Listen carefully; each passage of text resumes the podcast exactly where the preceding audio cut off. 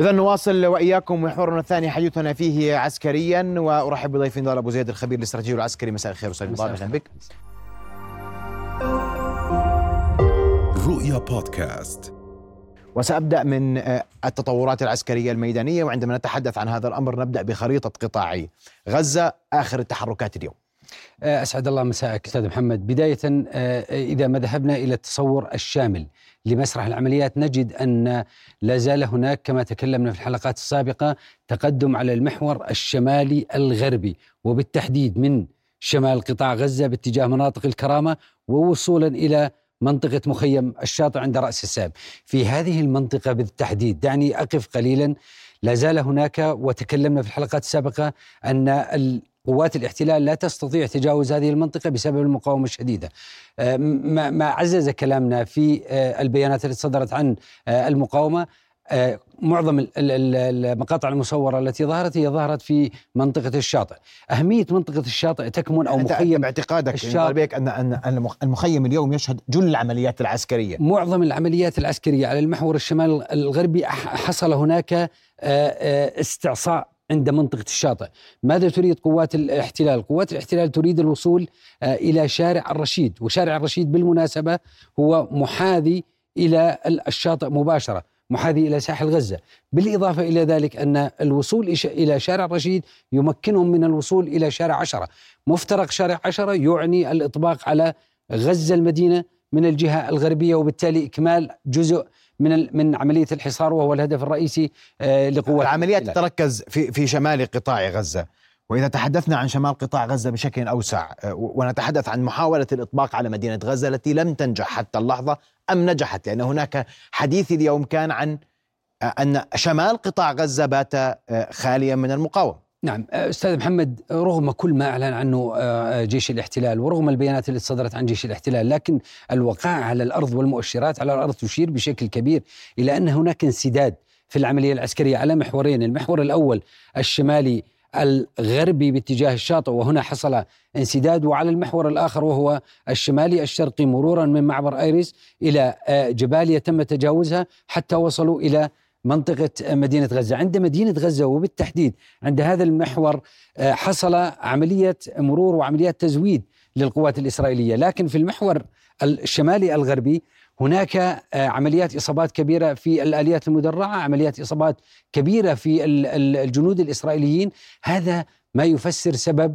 آه، ما الخبر الذي تم تسريبه أول من أمس أن الجيش الإسرائيلي تعمد إلى إرسال دبابات من نوع مركافه ثلاث.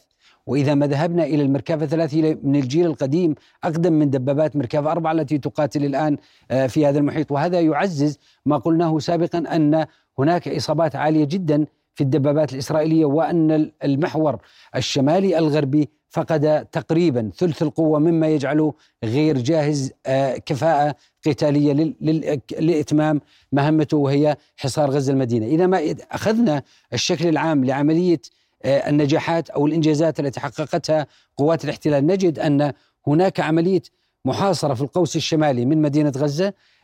القوس الجنوبي لم يكتمل نهائيا وبالتالي أستطيع أن أقول أن العمل جاري عليه على هذا المحور من خلال محاولة اجتياز الشاطئ مرورا إلى شارع الرشيد مرورا إلى مفرق آه، شارع عشرة وبالتالي يبدو أن قوات الاحتلال تحاول إغلاق المنطقة الغربية من مدينة وهذا الجزء حتى اللحظة هو لم يتم السيطرة عليه. هذا الجزء لا يزال لغاية هذه اللحظة مفتوح وهناك مقاومة شديدة عليه.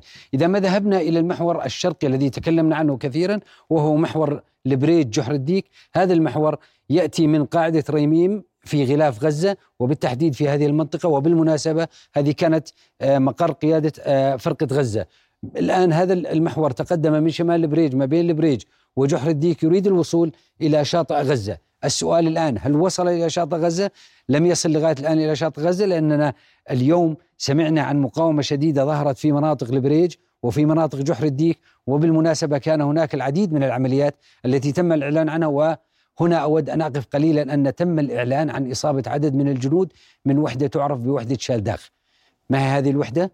ولماذا كانت هنا أعلن الجيش الإسرائيلي في هذه المنطقة. نعم جنوب جحر الديك بالتحديد وتم الإعلان عن إصابة جندي في منطقة جحر وحدة شالتاغ هي وحدة من وحدات نخبة النخبة وهذه الوحدة بنيت على وحدة أخرى آه، اسمها متقال أي تعمل هذه الوحدات من وحدات الاستخبارات عالية التدريب وتعمل خلف آه، خطوط القوات وبالمناسبة هي من وحدات جمع المعلومات ومن وحدات أيضا الاستطلاع داخل المناطق هذه وبالتالي يبدو أن قوات الاحتلال تحاول استطلاع منطقة البريج جحر الديك من أجل التقدم أكثر أو أنها تشك أن هناك يبدو على ما يبدو تشك أن هناك آه، مكان يختبئ أو يتم آه، إخفاء آه، الاسرى ال- الإسرائيليين في هذه المنطقة. طيب استمرار القصف الجوي على على مدينة آه، غزة وهذا سؤال مهم جدا اليوم هناك قصف شديد كان على المدينة لا تزال قوات الاحتلال تستخدم هذا السلاح سلاح الجو لتدمير البنية التحتية تدمير المدن بالكامل قبل دخولها واختراقها عسكريا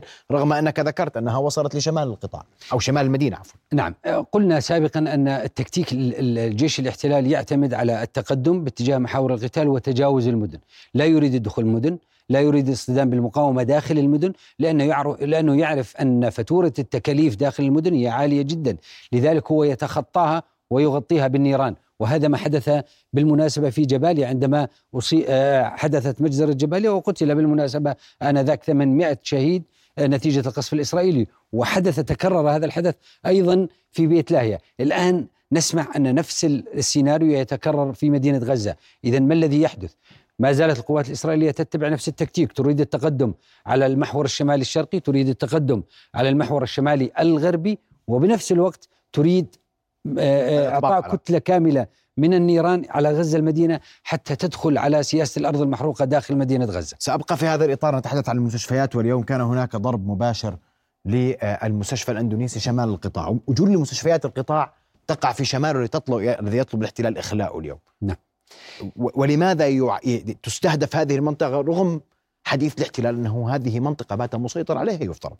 يعني تكلمنا سابقا أن إذا ما, ما, ما ذهبنا ورأينا أين توجد غزة المدينة هي بالتحديد توجد في هذه المنطقة، غزة المدينة وهي الهدف الرئيسي لقوات الاحتلال على المحورين الشمال الشرقي والشمال الغربي، وبالتالي الاحتلال يعتبر أن هذا مركز الثقل الاستراتيجي لقوات المقاومة في هذه المنطقة بالتحديد، ال center of gravity لهذه القوات، بالتالي المستشفيات جميعها محيطة بغزة المدينة، ويبدو أن قوات الاحتلال تعتقد أو لديها معلومات أن المقاومة تستكمن وتقود العمليات وتحرك العمليات من بعض المستشفيات وأبرزها مستشفى الشفاء وأبرزها مستشفى الأندونيسي وتكلم كثيرا عن مستشفى الصداقة للأطفال. ولكن دعني فقط أقف عند نقطة أن كل عمليات القصف تستهدف محيط المستشفيات أن ال- الجانب الاحتلال يريد الضغط أكثر على المستشفيات من أجل تهجير آه، نعم. السكان من مناطق شمال. واضح جدا. أشكرك كل الشكر نضال أبو زيد الخبير الاستراتيجي العسكري أشكرك شك- كل الشكر على وجودك. معنا.